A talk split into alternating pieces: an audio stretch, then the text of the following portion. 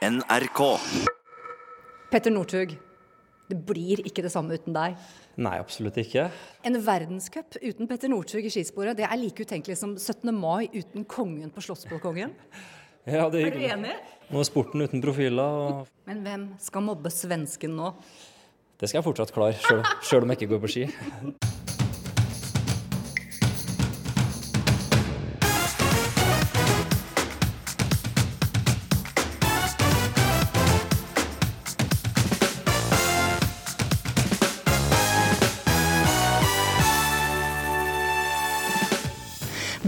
Bilister er livredde for å møte vogntog på norske vinterveier. Håkon Haug Enga fra gruppen Stopp dødstrailerne, ja han krever handlekraft fra norske politikere nå. Nå mener jeg at det er på høy tid. å Få fingeren ut av ræva og få jobben gjort. Det er ikke godt nok å bare bruke politikerpynt. Han møter samferdselsminister Jon Georg Dale til debatt.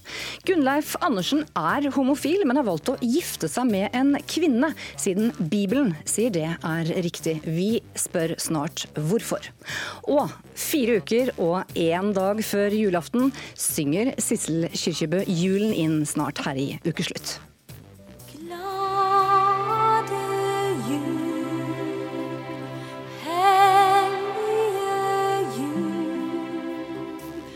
Sissel holder julekonserter i fire land i år, og innehar fortsatt rekorden med Norges mest solgte juleplate.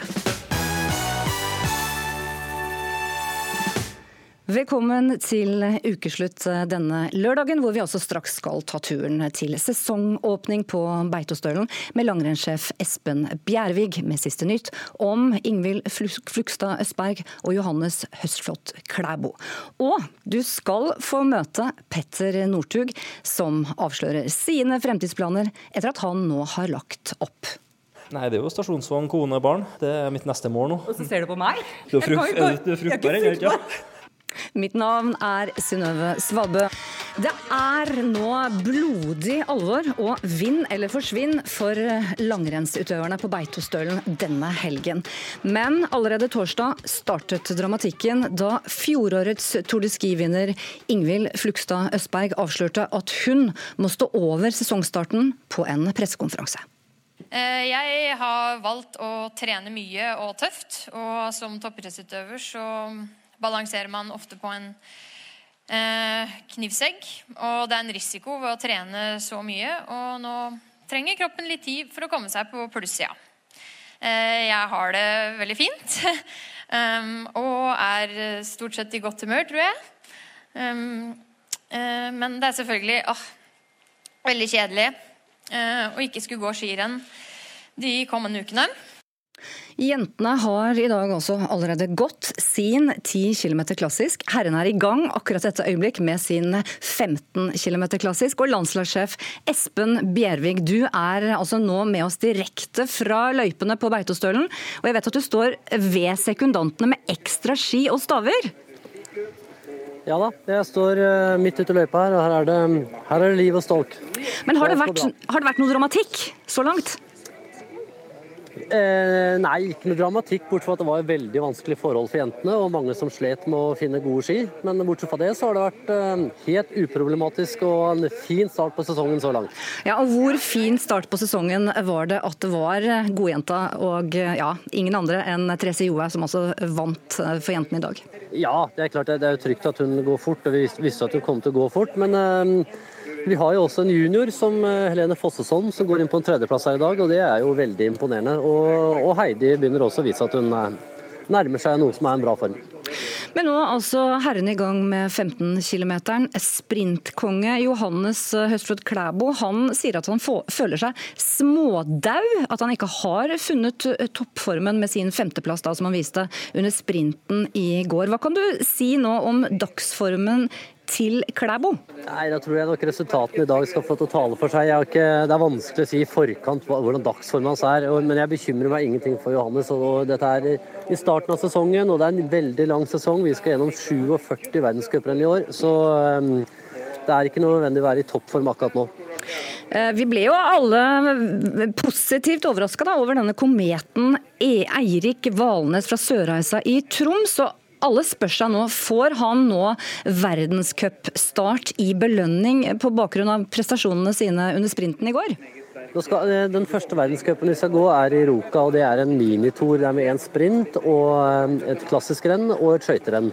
Så nå skal vi gå ferdig helgen her nå, og så skal vi offentliggjøre et uttak da til mandag. For det blir en totalvurdering av alle de øvelsene vi går her på Beitostølen. Ja, og Mange vil også si at det er et luksusproblem for trenerne. Men du, jeg er nødt til å spørre. Hvordan har mm, Østberg-saken altså preget både jentene og guttene eh, på Beitostølen nå som de skal prestere? Hvordan snak hva snakker de om? De fleste her oppe prater om at de syns det var, eh, var tøft av eh, Ingvild å gå ut og si at eh, hun har ting på helseattesten hennes som er en standardisert test som vi kjører på alle utøvere som skal representere Norge Skiforbund. At hun har en, noe avvik på den som gjør at hun ikke kan stille til start. og Det syns vi var veldig tøft av henne. At hun liksom tør å stå fram og være et ansikt på det sikkerhetsnettet som vi har rundt eh, de toppidrettsutøverne våre. Ingvild Flugstad Østberg er jo en av norsk idretts største, største forbilder. og Hvordan ivaretas hun nå av forbundet? Hun får tett oppfølging av trenere og av helseteamet vårt. og så eh, er det selvfølgelig mye dialog med henne, og utøverne også eh, trener, trener sammen med henne. Så eh, jeg har stor tro på at vi ganske raskt får se Ingvild tilbake i sporet. Og Vi følger med dere. Det er så deilig å høre i bakgrunnen der. Det er bjeller, det er publikum, det er lyden av kram snø. Det ropes, det heies. Dette har vi gleda oss til en hel sommer, altså. Ja, det har jeg òg. Så eh, nå, nå, får jeg begynne å følge med litt på skirenn igjen her. Men du, landslagssjef Espen Bjervik, tusen takk for at du stilte i ukeslutt. Jeg må bare helt til slutt spørre deg om en ting. Det er nemlig en kar som mangler på Beitostølen, som du straks møter her i ukeslutt. Det er altså fargeklatten og godgutten fra Mosvik, Petter Northug. Helt ærlig, um, Savner du Petteren? Ja, jeg tror alle savner Petter, men vi, han er jo ikke lenger unna at jeg har sett han har tusla rundt på Beitostølen allerede. Så han skaper liv og røre. Vi blir ikke kvitt den, og det skal vi være glad for. Ja. Tusen takk, kom deg ut til løypa. Står altså klar med ski og staver hvis det skulle være nødvendig. Det er altså da sesongstart på Beitostølen uten Petter Northug. Han ga seg i fjor etter en eventyrlig karriere med 13 VM-gull og to gull i OL. Men avslører altså nå at vi blir ikke helt kvitt han han, for om kun 64 dager så gjør han comeback i skisporet for å gå såkalte langløp. Urokråka og Mosvik-ekspressen har betydd utrolig mye for imaget til norsk langrenn, noe svenskene i særdeleshet har fått merke på skidressen. Jeg møtte han tidligere i uka.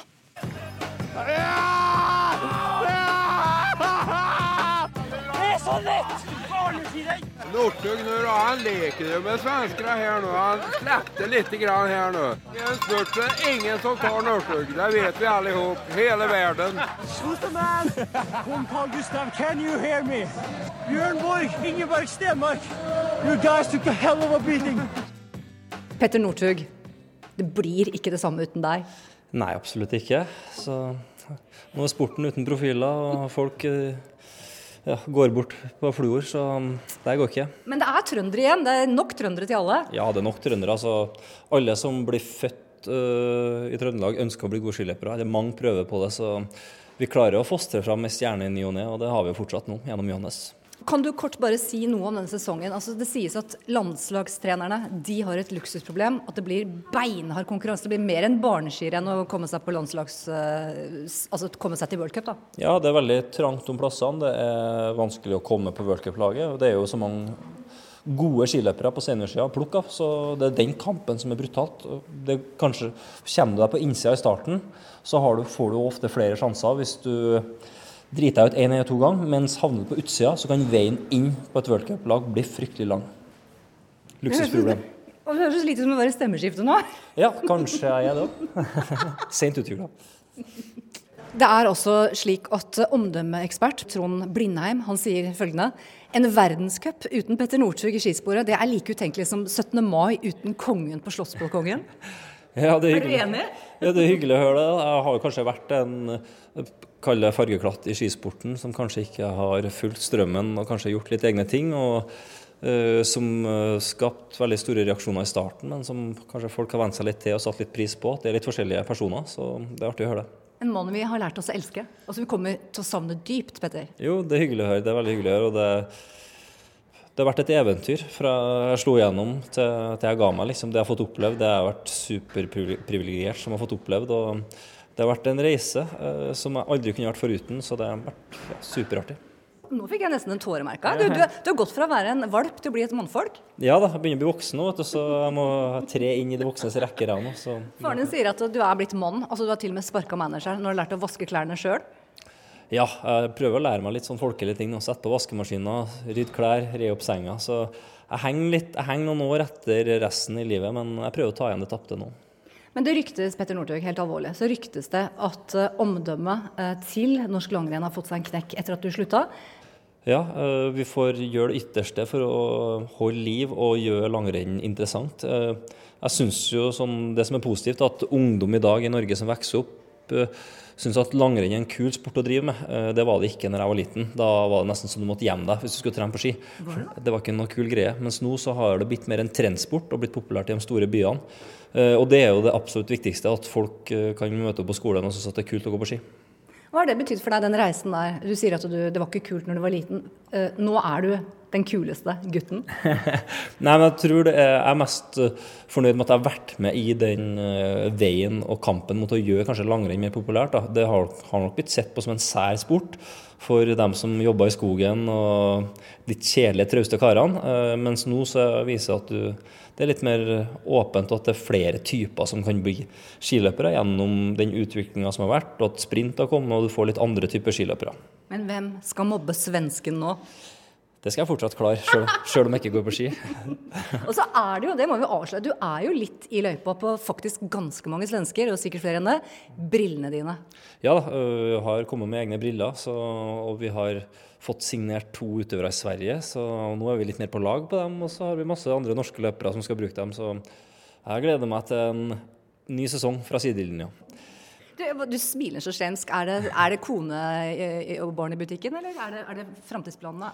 Hva, hva ligger i framtidsplanene til Petter Northug? Nei, det er jo stasjonsvogn, kone, barn. eh, absolutt. Det er mitt neste mål nå. Og så ser du på meg? Ja, er du åpen? Nei. Du må sikte høyere, Northug. Nei, eh, altså jeg er veldig enkel jeg, vet du, for å gå. Jeg. Han gamle Røya. ja, ja. Så lenge men du, du, er fruktbar, ikke eller. Jeg kan ikke spille poker, skjønner du. Det som er problemet. Nei, nei, men det, det kan være forspill. Du får slenge meg over ryggen, så får vi se hva Det, som skjer. det, skal det, jeg klare, det skal jeg klare ennå. Og så helt til slutt. Jeg kan ikke ha deg med uten at du sender en hilsen til guttene. Og da tenker jeg selvfølgelig på Klæbo, eh, Martin, Sivertsen. Ja, øh, Emil Klæbo og Martin, dere som skal konkurrere. Jeg skal følge dere for sidelinja. Dere har masse å leve opp til denne sesongen, men øh, det tror jeg de skal klare bra. De klarte seg veldig bra i fjor, så det blir spennende å følge med i år også. Og så skal du le høyt hver gang noen faller. Ja, ja, da skal jeg flire høyt. Slå meg på brystet. Tusen takk for det du har betydd for langrennssporten, Petter Northug. Og det var en ære fortsatt. Ja, altså, jeg er starstruck. Jeg har møtt selveste Petter Northug. Takk for det. Så, etter flere alvorlige ulykker med vogntog, så frykter mange nå dødsulykker med vogntog på veiene, også denne vinteren. På YouTube så ligger det en rekke klipp av nestenulykker tatt av norske sjåfører den siste måneden. Utenfor Tromsø der er Statens vegvesen nå i gang med å kontrollere kjøretøy, og der på Tromsdalen trafikkstasjon er også du reporter Oda Viken. Hvordan går kontrollen? Akkurat nå så går det faktisk veldig bra. Vi har hatt inne flere vogntog på, eh, til kontroll. Og eh, alle vogntogene har hatt det veldig fint. De har hatt ting på stell. Dekkene har vært fine, og kjettingene har vært eh, fine. Det har jeg eh, lært. Men det var ett vogntog som hadde kjørt fra Kautokeino i eh, morges til Tromsø, og han fikk seg et lite gebyr på eh, 500 kroner, for han mangla et, eh, et vognkort. Men kontrollør eh, Roger Furmo, eh, vi står og tar inn, eh, veiver inn vogntogene fordi at dere må ha kontroll på dem. Været det er veldig, veldig varierende fra Kautokeino i Finnmark og til Tromsø og til ned til Nordland. Men hva er det dere ser etter i dag når dere tar dem inn? Ja, I dag er det jo eh, dekk- og kjettingutrustninga som er spesielt viktig, eh, siden vi har eh, vekslende væromslag hele tida. Vi kjørte i morges på eh, i syltynn isinga, vi møtte på snø, og nå står vi i sludd og regn i Tromsdalen. Så det er veldig vekslende føreforhold. Og eh, hvor viktig er det på en måte at de du sender ut har ting på stell når de kommer inn til dere? Ja, det er jo veldig viktig at vi er sikre på det at de både har dekkutrustning og kjetting med seg. Kanskje kjetting akkurat i dag ikke er den største, det største problemet de har med, med tanke på at det er bar vei, men eh, det slår fort om. De skal opp i høyden, kanskje over Kilpis, eh, Bjørnfjell, og da det, må de kanskje ha det. Bak oss så ruller det inn et til vogntog som skal eh, kontrolleres. Og dere har kontrollert kjempemange så langt eh, bare de siste eh, tre ukene i november. Hva har dere sett så langt av kontrollørene i år? Ja, vi har eh, kontrollert en betydelig mengde tyngre kjøretøy, det har vi. Og eh, de fleste har det på stell. Altså, da tenker jeg på dekk og kjetting. Og, men så har vi noen, eh, noen element som ikke har ting på stell. Og eh, de har, eh, da er det gebyrileggelse og bruksforbud frem til ting er på stell. For det som er, det er jo at eh, veldig mange leverer jo ting i Tromsø og kjører ut igjen. Men hvis de ikke har ting på stell, er det sånn at de eh, må ordne det mens de er i byen? Ja, det må de gjøre. De må ordne opp eh, forholdet. Mange ganger så må de eh, gjøre det opp på kontrollplassen. Og få kjetting, eh, eventuelt hvis det er sånne dekk som ikke altså er så utslitt at de ikke er forsvarlige å sende ut, så må de få skifta det. Det var ei dødsulykke i nærheten av Tromsø i fjor, og det er veldig mange som er også og redde ute på veien når de er og kjører. Men kontroller sånn som du har, Roger Furemo, hva kan det hjelpe på når eh, vi har større vogntog på veiene? Nei, altså Vi er jo her for å ivareta eh, altså, trafikksikkerheten for alle trafikanter som ferdes etter veien. Det er jo både dem som kjører store kjøretøy, de som kjører små kjøretøy og jeg, gående og syklende for, i, her i Tromsø-området. Eh, jeg tror våre kontroller er med på å, eh, å påse at folk får dekk og, og kjettingutrustning på tyngre kjøretøy på plass. Et budskap til de som eh, er ute og kjører, og som rett og slett er veldig nervøse for å holde seg på veiene eh, i tilfelle det skal gå galt. Og da tenker jeg på de bilistene de litt mindre kjøretøyene. Det er å avpasse farta. Ta det med ro. Eh, møter du større kjøretøy, så slakk heller av. For det, i dag sånn som nå, så er det vått etter veiene på sine plasser, snøkov. Så det, det blir dårlig sikt etter dem. Ja, Da skal vi se om det neste vogntoget har ting på stell. Jeg ser at det lyses innover dekkene. Så Håper det går bra. Tusen takk for denne viktige rapporten, reporter Oda Viken fra altså Statens vegvesen stasjon ved Tromsdalen. Så skal vi høre at eh, 168 personer ble skadet, 14 personer omkom på norske veier i fjor i ulykker som involverte vogntog. Det viser altså tall fra Statistisk sentralbyrå. Men 2019 startet på verst tenkelige måte. 7.1 i år så ble 22 år gamle Charlie Dan Lind fra Sortland involvert i en dødsulykke med et vogntog på E8 i Balsfjord, da sjåføren fra Litauen mistet kontrollen over hengeren. En mann i 20-åra er kritisk skadd etter ei trafikkulykke på E8 i Nordkjosbotn. Det var en trailer og en personbil som kolliderte, og det er føreren av personbilen som er skadd. Veien har vært stengt, men er nettopp åpna for eh, trafikk. Ramona Lind, dette var din eh, sønn. Ja, det var han Charlie. Charlie Dan døde i dag og tok en bit av hjertet mitt med seg. Det skrev du, dessverre, 21. mars i år. Det gikk altså to måneder. Han eh, lå i koma. Du var ved hans side helt til han måtte gi tapt, altså 21. mars i år. Han var eh, på vei tilbake eh, til studier i Tromsø etter å ha feiret jul hjemme med deg og familien. Klarer du å ta oss tilbake, Ramona? Hva var det som skjedde denne dagen 7. januar? Jula var over. Som eh, mor så, så jeg frem til å få litt hverdag. Få eh, minstemann på skolen og har Charlie av gårde og sette i gang med huslige sysler. Det var godt med hverdag, så jeg, jeg var ute på kafé sammen med ei venninne og hadde ikke tanker om hva som var i vente resten av dagen. Når jeg kom hjem, eh, så så jeg at han hadde slengt skiene sine ifra seg. Litt sånn irritert, så tenkte jeg at det var det meninga at jeg skulle ta de, eller har han glemt de? Så jeg, jeg begynte å ringe han. Jeg hadde jo allerede snakka med han en par ganger på turen oppover, sånn praktiske ting. Og så jeg ringte, men han svarte ikke. Uh, litt fram og tilbake. Her ringte han, og han ringte meg, og jeg ikke kunne ta telefonen. Men uh, plutselig jeg driver og ringer han, så får jeg en melding fra stefaren hans at jeg, jeg tror han Charlie har krasja. Begynte å fortsette å ringe, sendte melding. 'Charlie, du må gi lyd ifra deg.' Han kunne jo stå i ei grøft, han kunne jo bare være opptatt med skademelding og andre ting, så du må gi lyd ifra deg. Men jeg fikk ikke noe svar ifra han, så jeg ringte politiet. og Sa hvem jeg var, og jeg lurte på om det var registrert ei ulykke utenfor Nordkjosbotn, for det var der jeg visste han var. Til å begynne med så kunne ikke politiet hjelpe meg. De, det hadde så nettopp skjedd at de hadde ikke fått det registrert. Etter noen minutter så ringte politiet tilbake fra operasjonssentralen og bekrefta at det hadde vært ei ulykke. Og det var bilen til han Charlie, så det stemte nok at det var han som var ja, involvert. Og det var en trailer involvert i ulykka. Da ropte jeg. Jeg ropte, og jeg slo. Og så spurte jeg politimannen om han var død. Det kunne han ikke svare på, sa han. Så ja. Jeg må innrømme at jeg husker faktisk ikke alle detaljene. Men en time etterpå så var jeg på flyet på tur nordover til Tromsø. Og jeg kom til UNN og fikk beskjed at eh, han var alvorlig og livstruende skadd.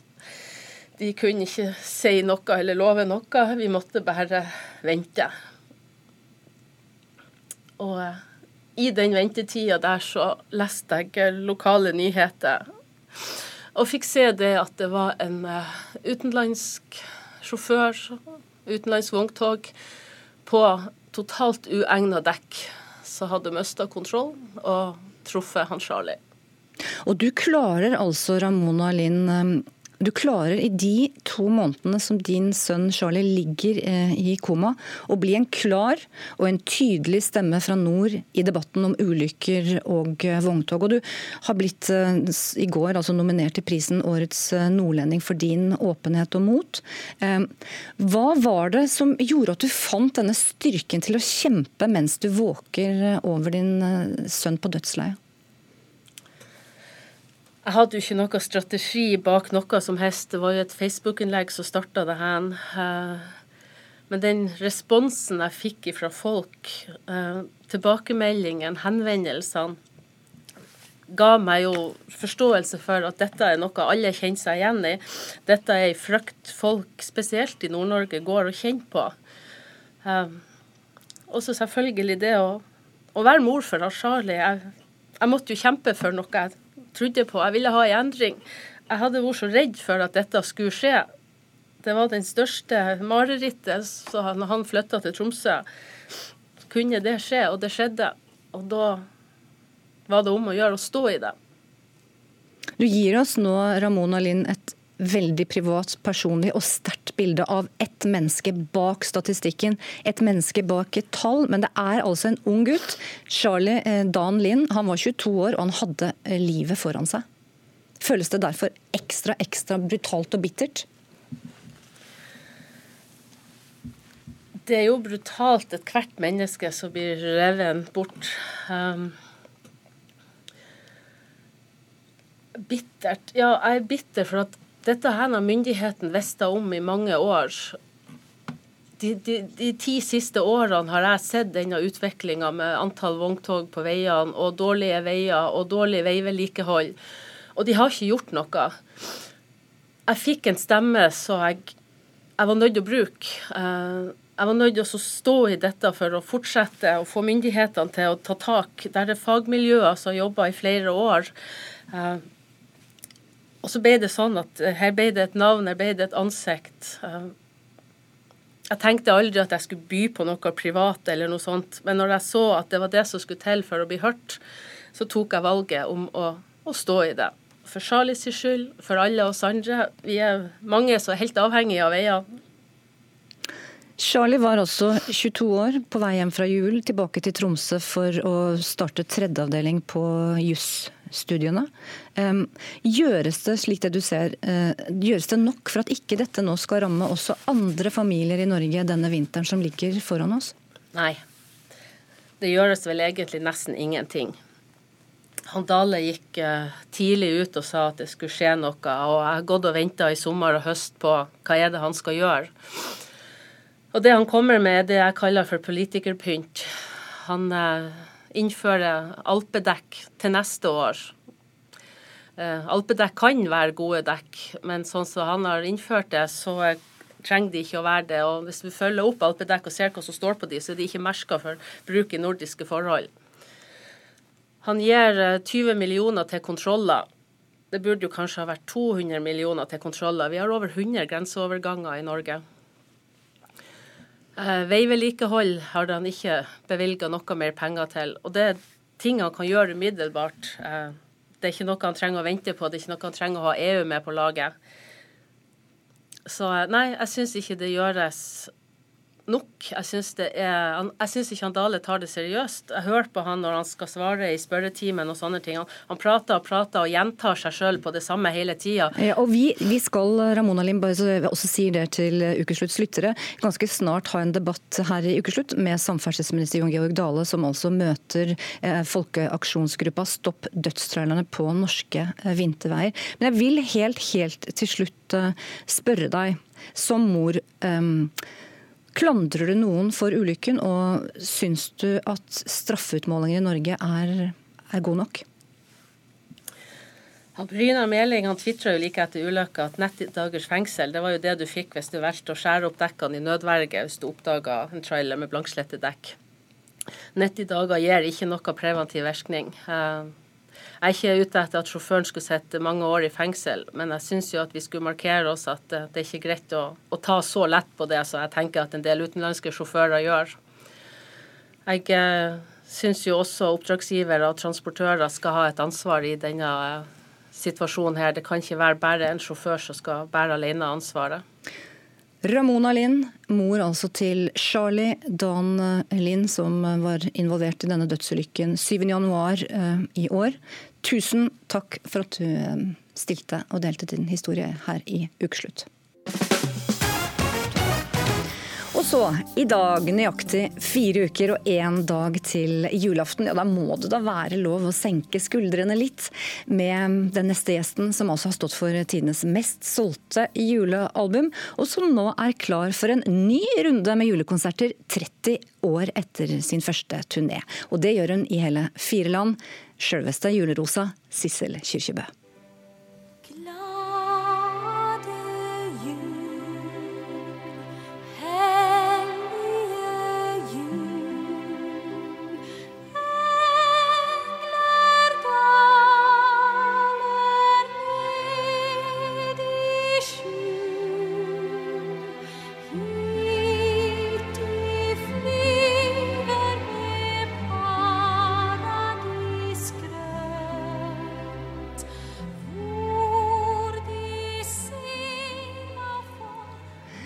Sissel Kyrkjebø, du er med oss nå av alle steder fra eh, Malmö.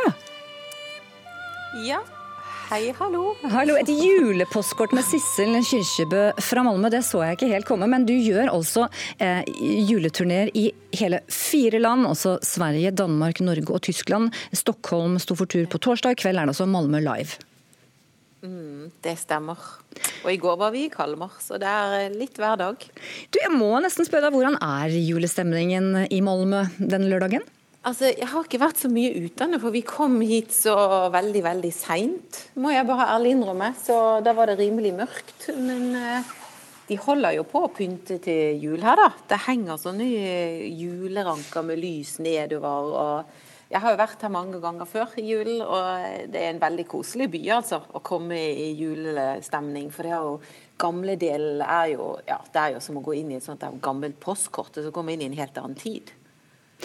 Du, eh, jeg eh, sa jo innledningsvis at du innehar, du Sissel Kyrkjebø, fortsatt altså eh, rekorden over Norges mest populære og mest solgte juleplate. 'Glade jul' har også solgt over 800 000 eksemplarer. Er det fortsatt litt stas?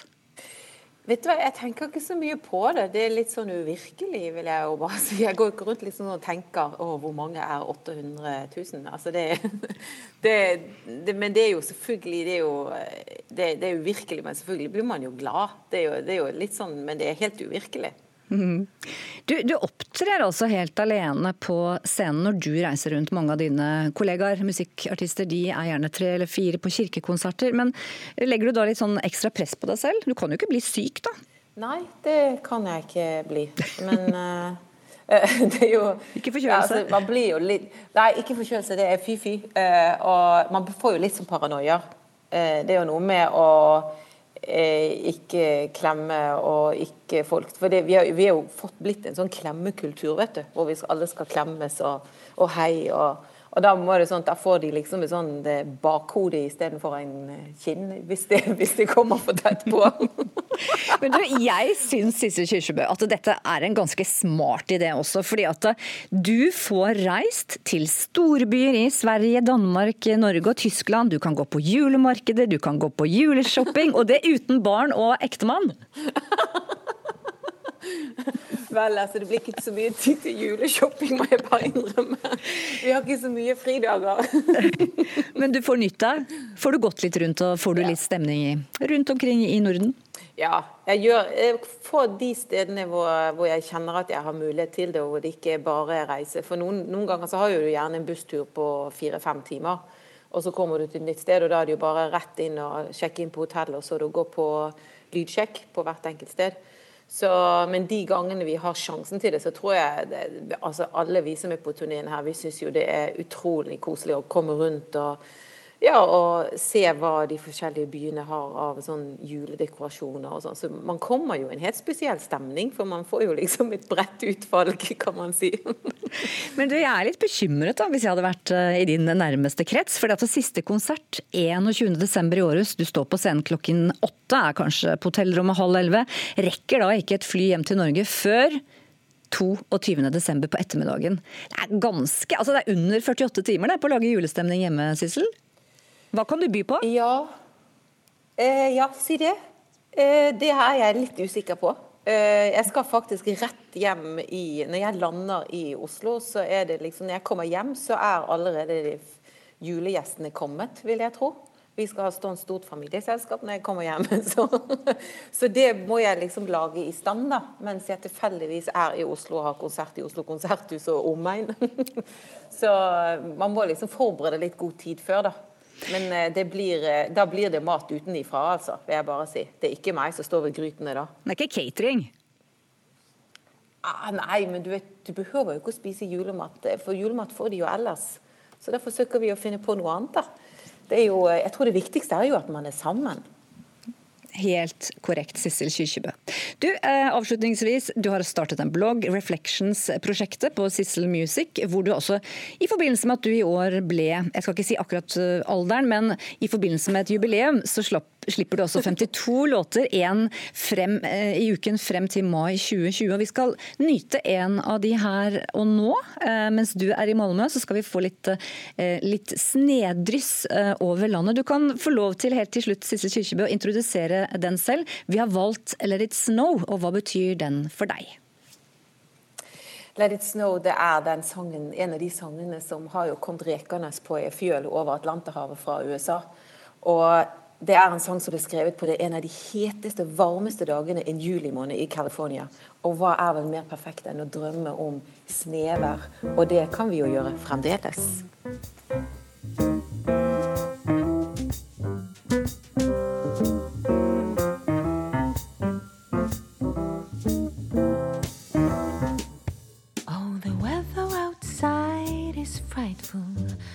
But the fire is so delightful.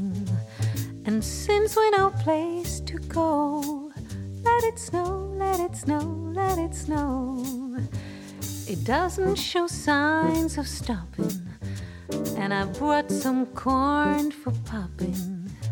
The lights are turned way down low. Ferske tall de viser at stadig flere jordmødre de vurderer å slutte i jobben som følge av for stort arbeidspress. Og på, tropp, på toppen her så troner altså Ahus i Lørenskog. Og vi sendte reporter Dagny Elisabeth Ulland til fødeavdelingen en helt vanlig onsdag. Spis mens du kan, sier jeg. Ja. Og, og drite for å gjøre hjemme, for det rekker vi ikke her. Latteren sitter løs på pauserommet til jordmødrene på Ahus i Lørenskog. Der fleiper de om hvor travelt de har det på jobb, men i realiteten så er misnøyen stor. Det viser en undersøkelse gjort av Tidsskrift for jordmødre. Og jeg har fått lov til å være med på denne avdelingen en dag. Du har litt pause nå? Ja, jeg har litt pause nå. Klokka er bare fem på fire. Har lovt pasientene å komme til henne klokka fire. Jordmor Eli Aaby jobber på fødeavdelingen, hvor syv av ti svarte at de har vurdert å slutte i jobben. Eli er pensjonist om ett år, men skjønner at mange synes jobben blir for slitsom. Men man blir jo sliten, vet du. Sånn, eh, det å ha ansvarsvakt på den fødeavdelinga her, så når det er veldig stort press, så er det jo vakter hvor vi Jeg sier sånn litt på spøk, da, men det er jo alvor òg. Gå på isvann og adrenalin i åtte timer. Ute i gangen står det traller hvor de nyfødte blir lagt, og nybakte foreldre trilles stolt rundt på deres nye familiemedlem. Hei, jeg heter Pernille Skjønsby. Jeg er direktør på Kvinneklinikken. Jeg har fått en prat med ledelsen på Ahus, som topper altså lista over de sykehusene hvor flest jordmødre vurderer å slutte. Og Skjønsby forstår jordmødrenes frustrasjon. Perioder eh, på fødeavdelingen så kan det være veldig mye å gjøre. Og det er en akuttavdeling og ganske stor variasjon i aktivitet. Sånn at det kan variere fra 5 til 25 fødsler i døgnet. Tilbake på fødeavdelingen nærmer det seg nok en fødsel på ett av rommene. Så nå skal vi gå inn og se på kjære eh, fødekvinne som ligger i badekaret og har åpningsveer. Jordmor Elisabeth Collett viser vei. Har vi litt dempet belysning og prøver å lage en rolig atmosfære. Jeg kjenner at dette blir utrolig spennende. Jeg skal få møte ei som kan føde når som helst. Det kribler i magen, hvis det er lov å si, men i form av sommerfugler. Aldri har jeg vært så tett på en fødsel, så jeg vet virkelig ikke hva det er jeg går til. Nå kommer vi til deg. Now we are coming. Yes, okay. Hei. Hei. Yes. I et badekar sitter Greta, som snart skal bli mamma for første gang. Hun ligger sidelengs med en mage som beveger på seg, har tydelige smerter, og det mørke håret det har hun satt opp i en strikk på toppen av hodet. Eh, Fødekvinnen vår ligger nå i vann og bruker det som smertestillende. Det er veldig veldig fint smertestillende før man eventuelt trenger noe mer. And then I would very much like to listen to the baby sound. So, På magen ser jeg det sparkes, det ligner nesten på bølger, og jeg kjenner en rørende og glad følelse inni meg.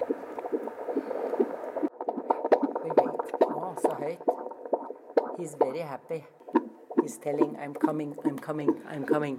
I hope, I hope that he's faster. He will be faster. Nå hører vi hvordan han akselererer, og det er et veldig godt tegn på at babyen har det bra. Når fosterlyden går opp, akkurat som Do you feel him kicking now? Yes, he's kicking. Mm. Greta og skuttebaby er ikke helt klar for å se dagens lys. Så da tar jeg meg en prat med Eli Aaby igjen. Når hun har ansvar for avdelingen, har hun sjelden tid til å ta seg pauser. Får ikke tid til å spise. I beste fall spiser ved siden av PC-en mens du rapporterer det du skal, eller dokumenterer det du skal dokumentere. Eh, må ringe folk og be dem som skal på nattevakt for å be dem komme tidligere på jobb. Eh, folk eh, jobber da overtid. Turnusen, eller bemanningen og turnusen er ikke planlagt ut fra den drifta som er her, da. Noen som følger nøye med på utviklingen i Norge, er Jordmorforbundet. Leder Hanne Charlotte Schjelderup mener tallene er altfor høye, og at utviklingen er kritisk, og er bekymret for en eventuell jordmorflukt fra sykehusene. Jeg vil oppfordre Bent Høie til å ta raske grep for at vi skal kunne bevare jordmødrene på jobb, sånn at vi får en tryggere fødselsomsorg. Eh, samtidig så ønsker jeg at helseministeren eh, gir signaler til helseforetakene om at de må prioritere nok penger på fødselsomsorg, sånn at vi ikke får en jordmorflukt fra sykehusene. Det har vi ikke råd til. Og når jeg ber helseminister Bent Høie svare på spørsmålene fra Jordmorforbundet, så kan han forsikre om at de er i en prosess som vil gi endringer neste år. Samtidig som vi nå setter i gang et uh, hurtigarbeidende arbeid for å se på hvordan vi skal sikre riktig og god bemanning på, og på fødeavdelingene, på de, ikke minst på de større sykehusene, som, som, rapporterer at de opplever et uh, stort arbeidspress, og de skal være ferdig 1.3. Eli Aaby har fortsatt noen timer igjen av arbeidsdagen, men jeg får lov til å gå hjem med mange nye inntrykk i minnet. Og jeg har en avtale om at jeg skal undersøke henne igjen om en time, så da regner jeg med at jeg kan få spist i løpet av den tida. Ja. Mm, da går jeg videre. Ja. ja. Og det gjør du òg? Ja, det gjør jeg òg. Ha det. Du finner veien ut? Og vi kan røpe at natt til torsdag, ja da fødte Greta en velskapt gutt klokken 04.45. Alt bra med mor og barn, og vi gratulerer selvfølgelig. Denne uken så fikk prins Andrew den åtte i arverekken til den britiske tronen rett og slett sparken av sin mor, dronning Elisabeth. Og det etter et famøst intervju på TV med BBC, der han ville forsøke å renvaske seg. For første gang snakket nemlig prins Andrew i et intervju om sitt vennskap med den, med den overgrepsdømte milliardæren Jeffrey Epstein. Og Der blånektet han for anklager om at han hadde hatt sex med den den gang 17 år gamle Virginia Roberts Guffrey tidlig på 70-tallet. Etter flere dager med knallharde kritikk kom altså onsdag beskjeden om at hertugen av York mister apanasjen og blir fratatt alle offentlige oppgaver. Ifølge britiske aviser så var det dronningen selv og prins Charles som sammen var enige om at Andrew måtte ut. NRK-korrespondent i London, Øyvind Nyborg, du er med oss nå. Hallo? Hei. Du, jeg må bare rette meg selv. Jeg sa at uh, denne, dette tilfellet, denne påstanden, anklagen om at han skal ha hatt sex med 17 år gamle Virginia Roberts Guffrey, skjedde på 70-tallet. Riktig er selvfølgelig tidlig 2000-tallet. Men hvilke ja, ja, ja, ikke sant. Men hvilke reaksjoner har nå kommet de siste døgnene på at uh, prinsen nå er fratatt alle offentlige verv og oppgaver? Nei, altså, Det har jo vært et ramaskrik her, eh, drevet fram av eh, Eh, tabloidepressen, og det var jo et katastrofalt intervju han gjorde. og uh, Man forstår det jo slik at uh, dronningen selv hun forstår jo sitt folk, og når kongehuset er truet, så hun hadde jo ikke noe annet valg enn å, sparke sønnen sin. og Noe tilsvarende har jo ikke skjedd siden den gangen kong Edvard abdiserte, fordi statsministeren mente at folket ikke ville tåle hans giftermål med da en tidligere skilt kvinne. Hva er det særlig det britiske folk, men også mediene, har hengt seg opp i ved dette intervjuet? Det er jo det at han sitter i en av de største gullfyrte salene i Buckingham Palace og, og framstår som så arrogant som mange har beskyldt ham for å være i årevis. Han eh, evner ikke å ta avstand fra eh, det som er hans venn Jeffrey Epstein, som da eh, er pedofil, eh, pedofilidømt. Han sier at eh, i stedet at det var en ærerik ting å, å bo i leiligheten hans i New York også etter at han eh, var dømt i en hel snau uke. og eh, Det blir eh, veldig rart for uh, veldig mange, særlig når han sier at uh, han kalte Epsteins pedofili som en ukledelig oppførsel, i stedet for å si det som det faktisk uh, jo er. En, det var en sexring, og det dreier seg om overgrep på, overgrep på mindreårige jenter. La oss stoppe litt og høre et lite kutt fra dette famøse intervjuet gjort med BBC. I have no recollection of ever meeting this lady. None whatsoever. You don't remember meeting her? No. She says she met you in 2001. She dined with you. She danced with you. You bought her drinks. You were in Tramp nightclub in London. And she went on to have sex with you in a house in Belgravia belonging to Ghislaine Maxwell. Didn't happen. Do you recall any kind of sexual contact with Virginia Roberts no. then None, or any other time? None whatsoever.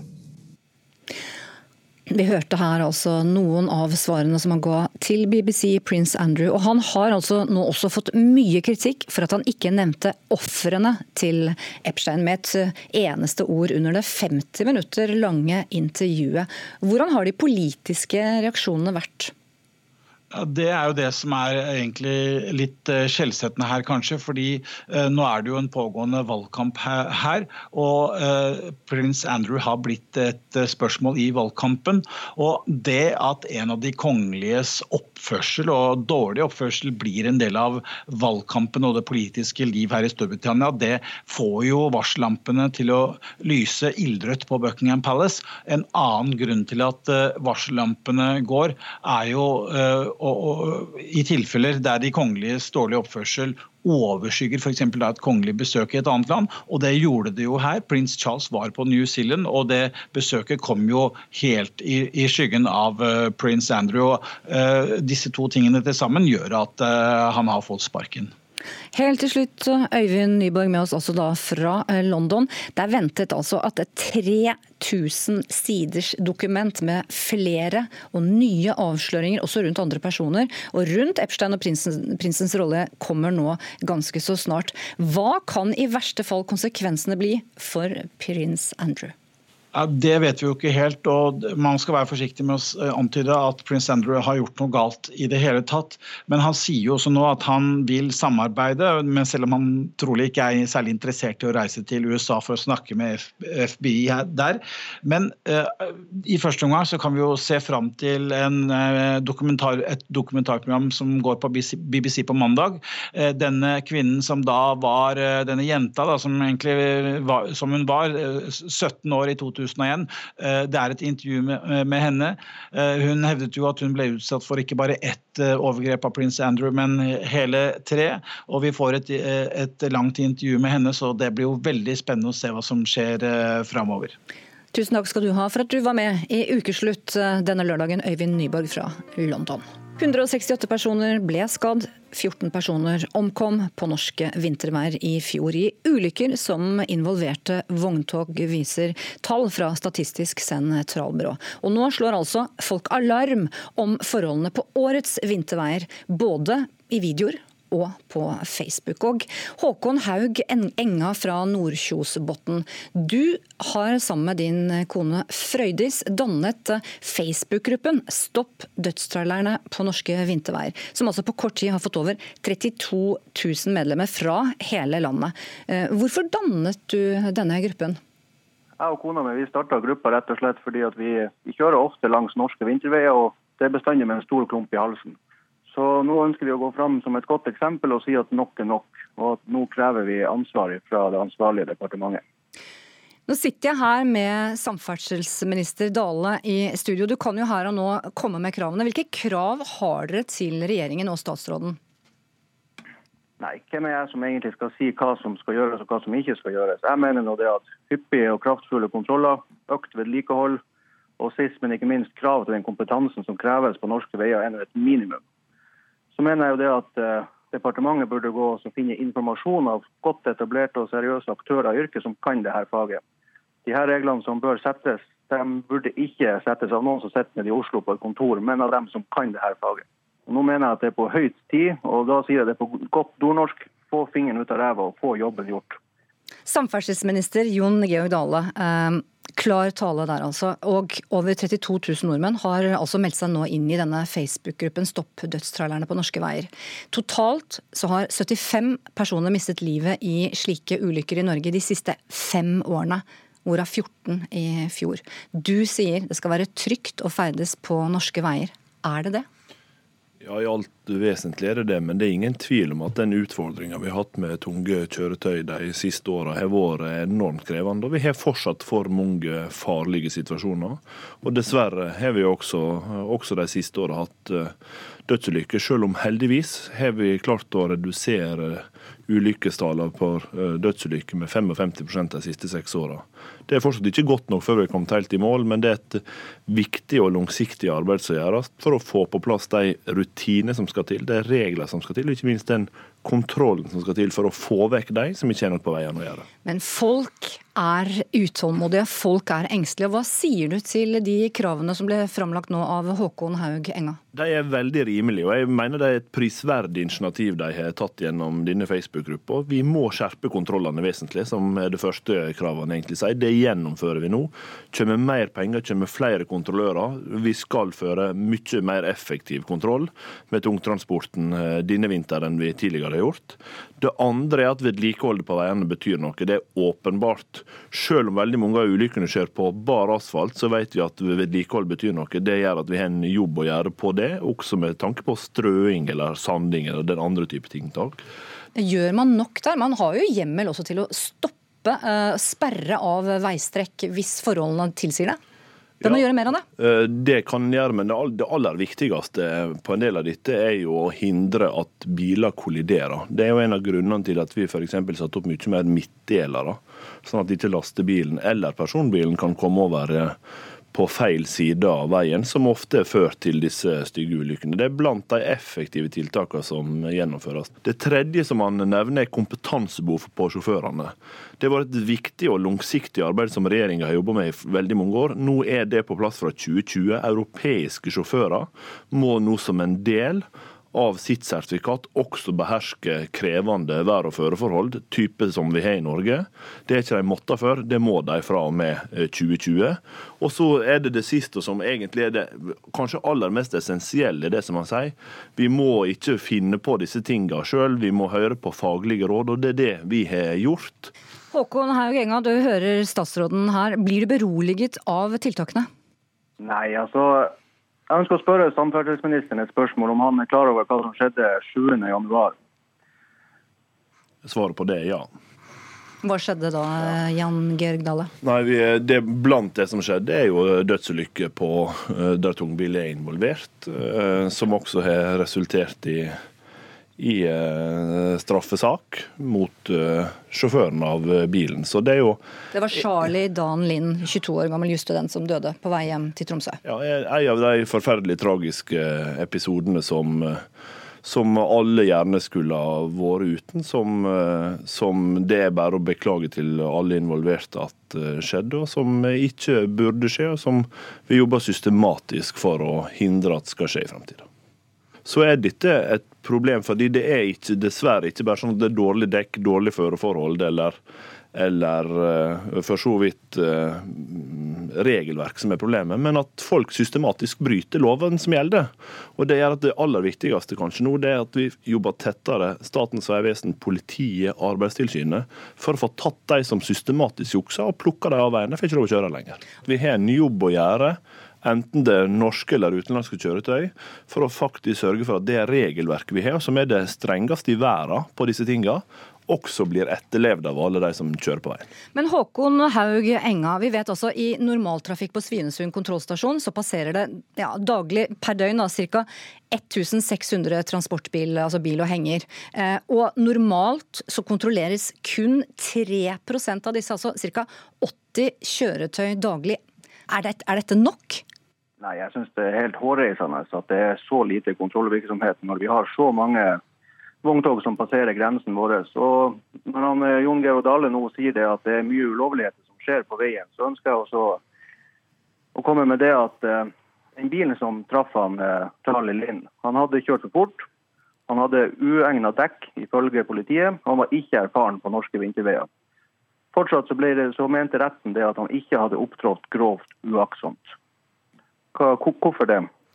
Ja, svaret på det er at det vi har domstoler som dømmer folk. og Det betyr at de, den type vurderinger kan ikke jeg eh, gjøre i enkeltsaker. Det, det, er domstolene som skal gjøre det. Men jeg er enig med det i at vi må kontrollere flere, men også mer effektivt. Fordi mange av de bilene som passerer Sverige, svenskegrensa i dag, passerer også i morgen. Og Hvis de var i orden i dag, så er de mest sannsynlig i orden i morgen. Så vi må teste nye hele tida for effektive kontroller. Og ikke minst sørge for at vi, selv om vi kontrollerer eh, vogntoget, også sørger for at uh, sjåføren er våken, frisk og rask. Og vi tar jo lastebilsjåfører med promille, og vi tar folk som har jobba altfor lenge. Så i sum så har vi et stort arbeid å gjøre, og det aller viktigste å gjøre nå framover er å målrette kontrollene og gjennomføre flere av dem. og Derfor kommer det også penger til litt i budsjettet. Håkon Haug Enga, jeg må spørre deg. Du er også leder av en, en Facebook-gruppe, Stopp dødstrailere på norske veier, som i, på kort tid, på bare, bare noen få uker, har fått over 32 000 nordmenn til å melde seg inn. Har de blitt beroliget nå av de svarene som samferdselsministeren har kommet med her i ukeslutt?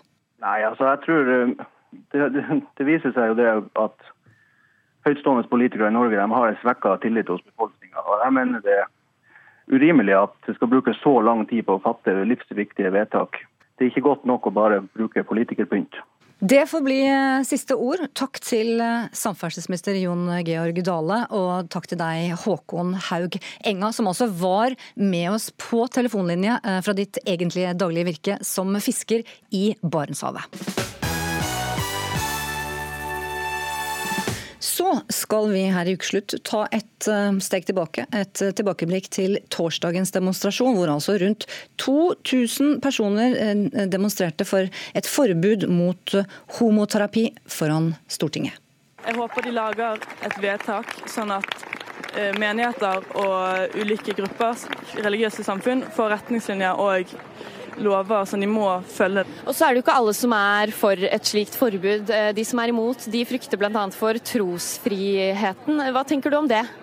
Ja, Alle lover og regler går jo så og så langt. Eh, og med en gang det tråkker utover at det skader og ødelegger mennesker, så kan ikke den loven strekke til. Den stopper et sted, som alle andre lover òg. Ja, vi hørte her Emilie fra Skeivt kristent nettverk. Torsdag demonstrerte hun og altså rundt 2000 andre for et forbud mot homoterapi foran Stortinget. Og det har vært mye fokus på dette spørsmålet hele denne uken. Regjeringen de er splittet i spørsmålet. Venstre vil ha forbud, mens KrF mener et forbud går utover trosfriheten.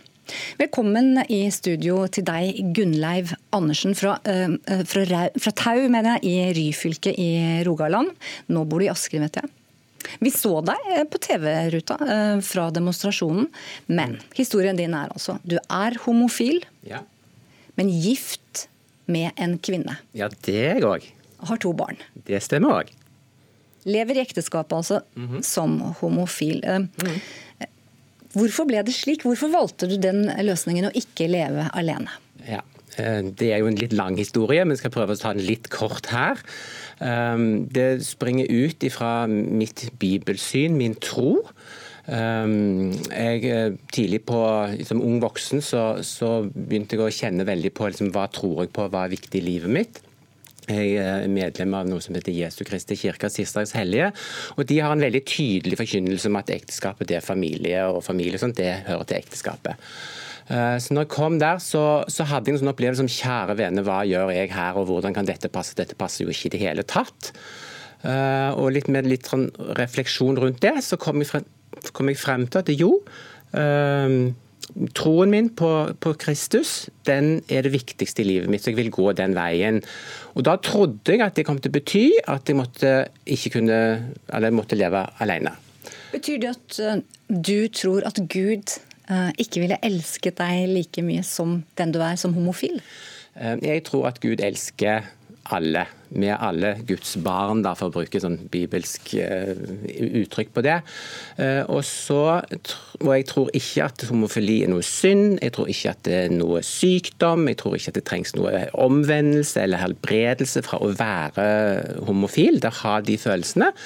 Men sånn som jeg leser Bibelen, så forstår jeg den at de rammene som Gud da har satt for familie, sex og samliv, det er ekteskapet mann-kone.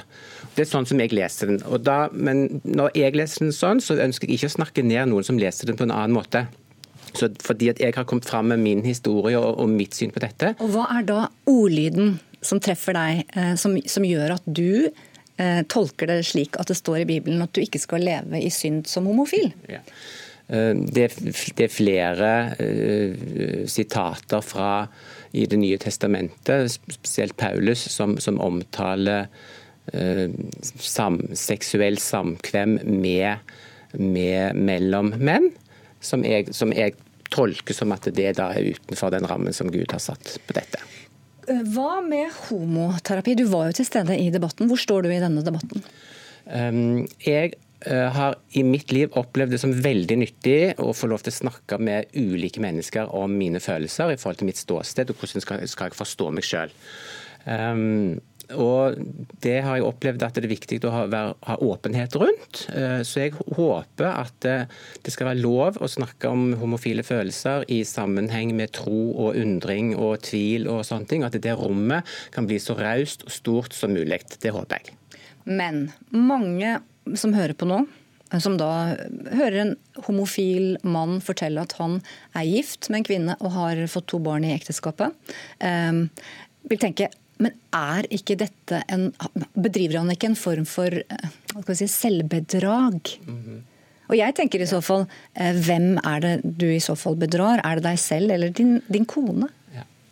Ehm, jeg håper inderlig at vi ikke har noe bedrag i vårt ekteskap. Eh, ekteskapet vårt, Helt fra starten av så var det viktig for meg at eh, jeg må fortelle konen min, eller min, på det tidspunktet eventuelt kommende kone, uh, om at jeg har disse følelsene. Jeg kunne ikke gå inn i et ekteskap på, på, på en løgn eller noe bedrag. Hun visste det fra hun, dere gikk inn i ekteskap at du ja. var, var, homofil? Jeg, jeg syns jeg, må, jeg, måtte fortelle henne det, sånn at hvis hun følte at det ble for vanskelig for henne, så had, var det mye lettere for henne å dra vi, før vi hadde gift oss. Så med litt besvær så klarte jeg å få det frem. Eh, og hun fant ut at dette kunne hun leve med, og dette kan vi gå videre med sammen. Så åpenhet eh, for hverandre har vært grunnleggende i hele veien i ekteskapet vårt. Og det er jeg veldig glad for. Er det uproblematisk, eller har dere sammen funnet en annen form for kjærlighet? Som, fordi mange i 2019 setter liksom likhetstegn mellom kjærlighet og seksualitet.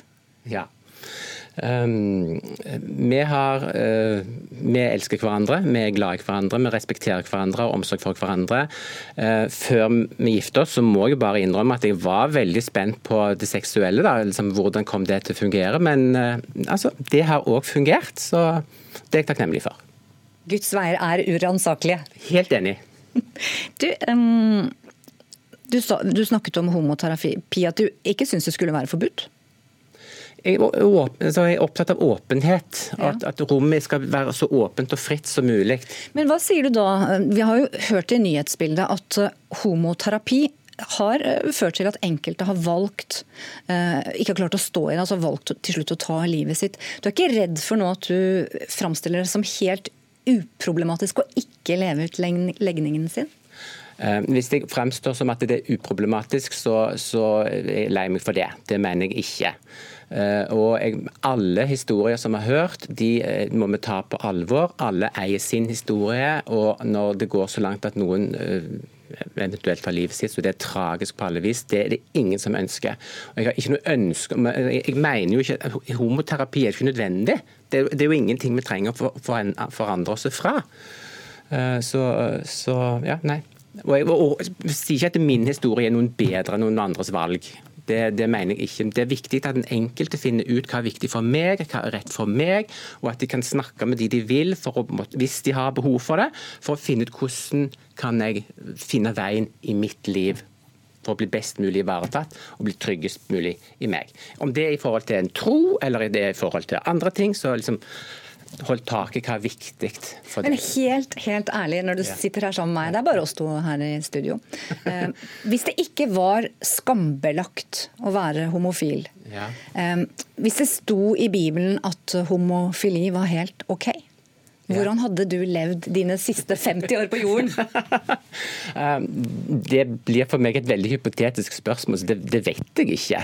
Fordi da, da, da, rokker du med hele forståelsen av tilværelsen min. Men Hadde du uh, gjort noe annerledes? Hadde du turt da å levd ut? Jeg vet ikke. Men altså, da, da, hadde rammene vært annerledes, og da hadde jeg måttet forholdt meg på en annen måte. Så kommer det an på hvem jeg hadde truffet, hvem jeg hadde vært sammen med. og hvordan det hadde blitt, for det kan jeg ikke svare på. Vi skylder Gunnleiv Andersen også å rette en takk til din kone og dine barn, som jo står i dette hver dag og har opplevd på nettet ganske mange kommentarer. Tusen takk for at du delte denne historien i Ukeslutt. Frode Berg slapp endelig ut av fangenskap denne uka. Historien er som et spiondrama av John Le Carré, sier regissør Mathias Kalmeier. Jeg hører jo en sånn tittel oppi hodet som går på den ufrivillige spionen, den The Accidental Spy. Men aller først. Digitaliseringsminister Nikolai Astrup han vil ha 13-årsgrense for bruk av smarttelefon for norske barn. Men ni av ti tiåringer her i landet hadde egen smarttelefon i 2018. Og vi spør er denne kampen kjørt allerede?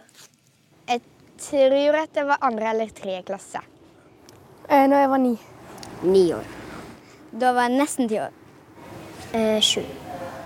Vi er jo 18 i klassen, så da er det 17 som har telefon. Jeg ser på eh, mye YouTube og sånne ting. Eh, NRK Super. Sånn. Hvis de blir hekta, så er jo ikke det akkurat noe veldig bra. Det er masse mer ute i været som, som er viktigere enn telefon.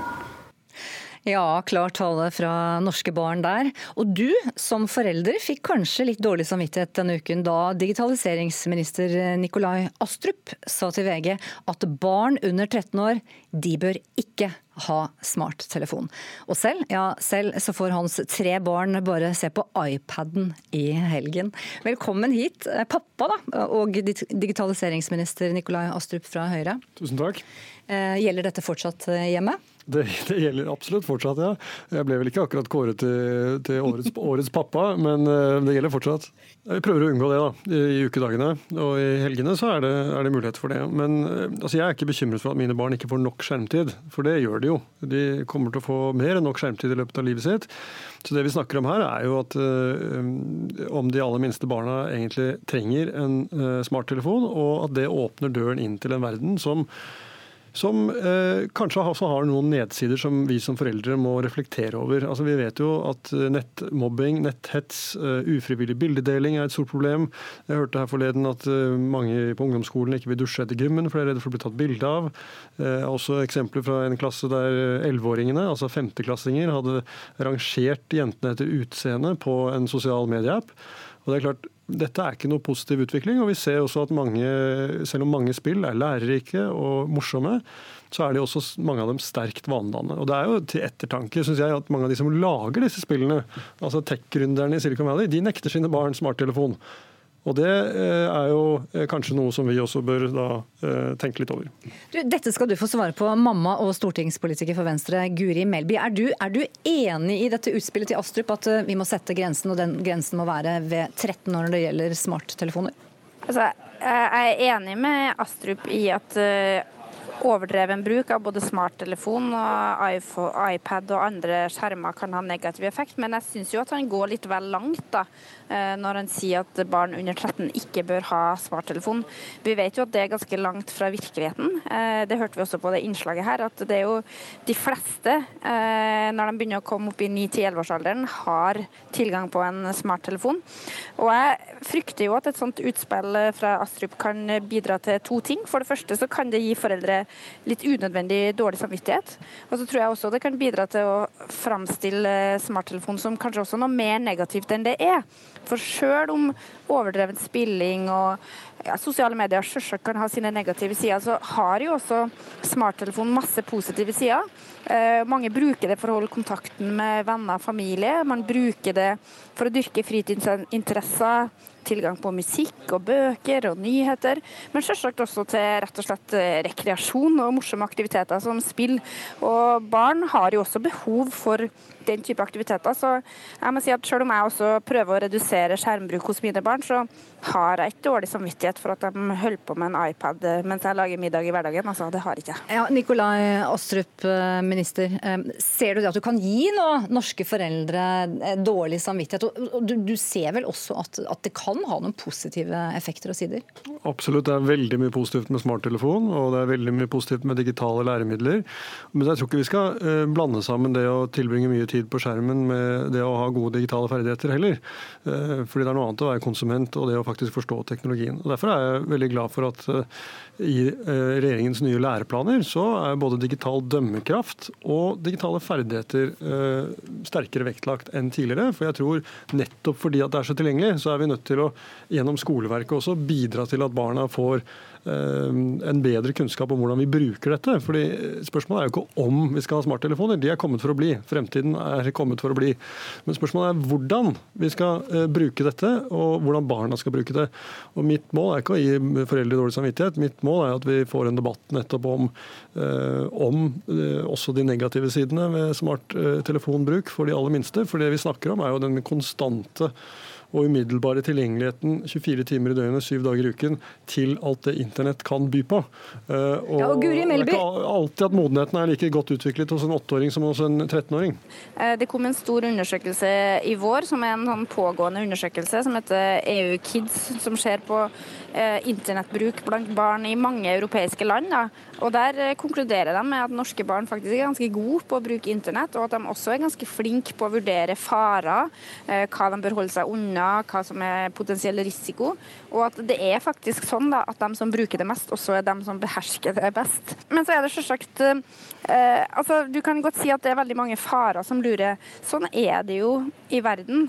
Men jeg har lyst til å understreke at jeg har jo ikke sagt at jeg syns at unger skal bruke mest mulig tid på smarttelefon. Jeg syns bare at eh, Astrup går litt langt når han nærmest fraråder bruk av smarttelefon inntil ungene er 13.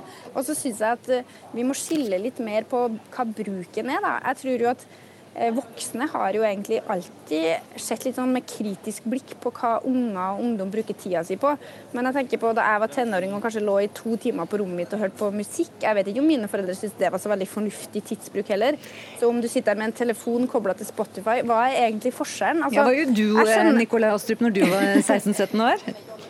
Ja, altså jeg tror Alle har sikkert erfaringer, og tidene forandrer seg. Men, og jeg, hver familie må finne ut selv hvordan de ønsker å gjøre dette. Jeg tenker i hvert fall Vi må tenke igjennom hvordan vi bruker telefonen, både oss voksne og hvilke grenser vi skal sette for våre barn. Det er opp til hver familie å, å gjøre. Og så er jeg helt sikker på at familiene gjør gode valg for seg selv og sine. Men jeg tror det er behov for at vi også tenker eh, mer på eh, faresidene, og på hvilket tidspunkt vi skal introdusere denne tilgjengeligheten for de aller minste barna. Du kunne jo også nesten også hatt satt, satt, grensa på 60 år. For det er jo klart at vi foreldre vi skal være eksemplene. Du nevnte nå fire timer eh, på smarttelefon for en 13-14-åring. Mange foreldre vil kjenne seg igjen at de er på jobb til 5-6 om ettermiddagen, kommer hjem, lager middag, og så sitter de på telefonen utover kvelden. Og er ikke, mm. Man er ikke til stede for hverandre. Nei, og heller ikke til stede for barna sine. Nei. Eh, man sitter med blikket ned i telefonen. Så jeg tror vi voksne er jo elendige forbilder. Fordi eh, det er jo, Jeg var på restaurant for ikke så lenge siden, og da satt et ektepar på nabobordet. og De snakket jo ikke sammen hele middagen, de satt bare med hver sin telefon. og Da kan man jo lure på uh, liksom om, om de ikke faktisk da går glipp av noe. Det får bli siste ord. Tusen takk skal dere ha for at dere kom hit til ukeslutt. Stortingspolitiker for Venstre Guri Melby og digitaliseringsminister Nikolai Astrup. Historien om Frode Berg ja, den passer perfekt til en norsk spionfilm. Det mener i hvert fall regissør og dramatiker Mathias Kallmeier. Han kjente allerede da Berg ble arrestert at her ligger det en spennende historie. Reporter Linn Beate Gabrielsen hun leder oss nå gjennom Kallmeiers spiondrama, der noen av ingrediensene er spionasje, svik og en håpløs etterretningstjeneste.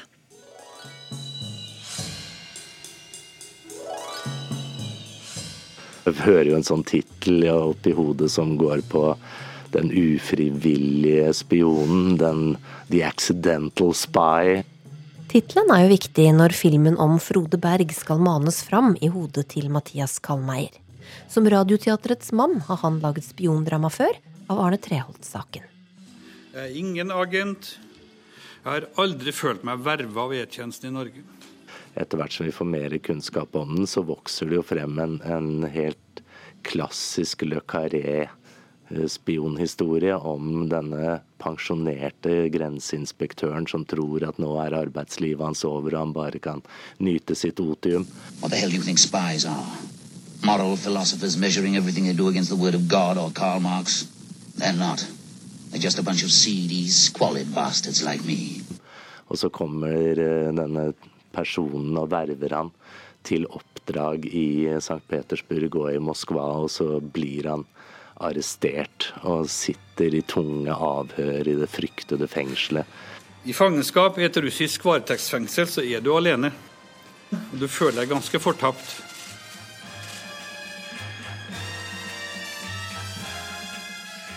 Og sprekker og blir til slutt løslatt, benådet av Putin og, og smuglet omtrent eh, hjem til Norge via Litauen. Det er litt av en historie.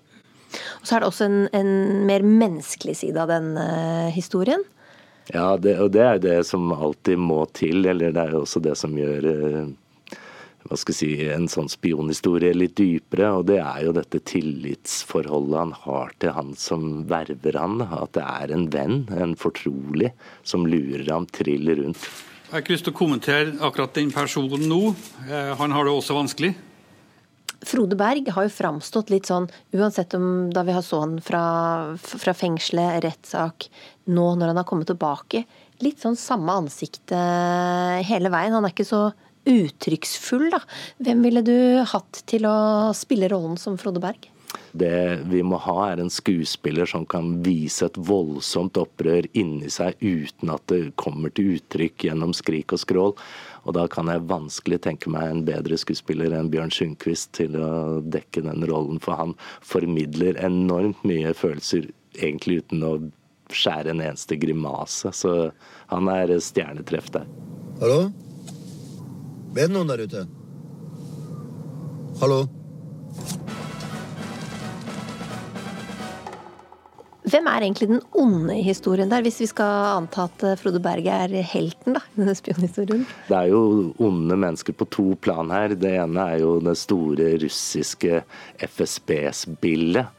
Som jo per defini vestlig definisjon i hvert fall er liksom the bad guys. Eh, som setter opp denne fellen og, og som lurer eh, Frode Berg. What are you anyway? Who are you? What's your name?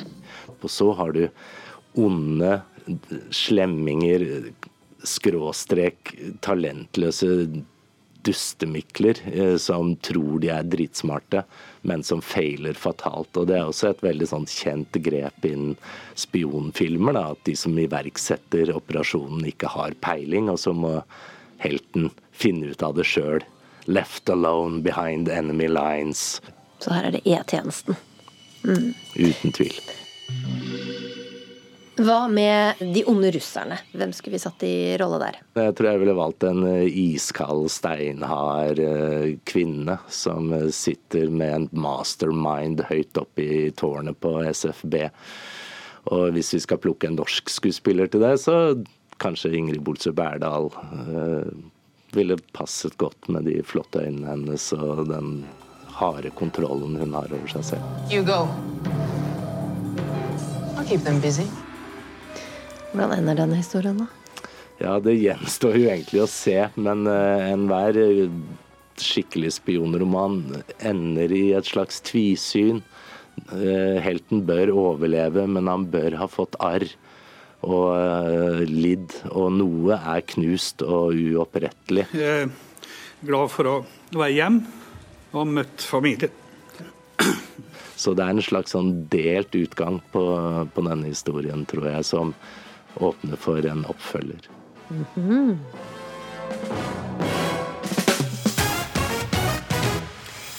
Ansvarlig for denne ukesluttsendingen har vært Kari Li. Teknisk ansvarlig Hans Ole Hobelvold. Og her i studio har jeg sittet Synnøve Svame, som bare sier til hele norske folk ha en strålende lørdag videre.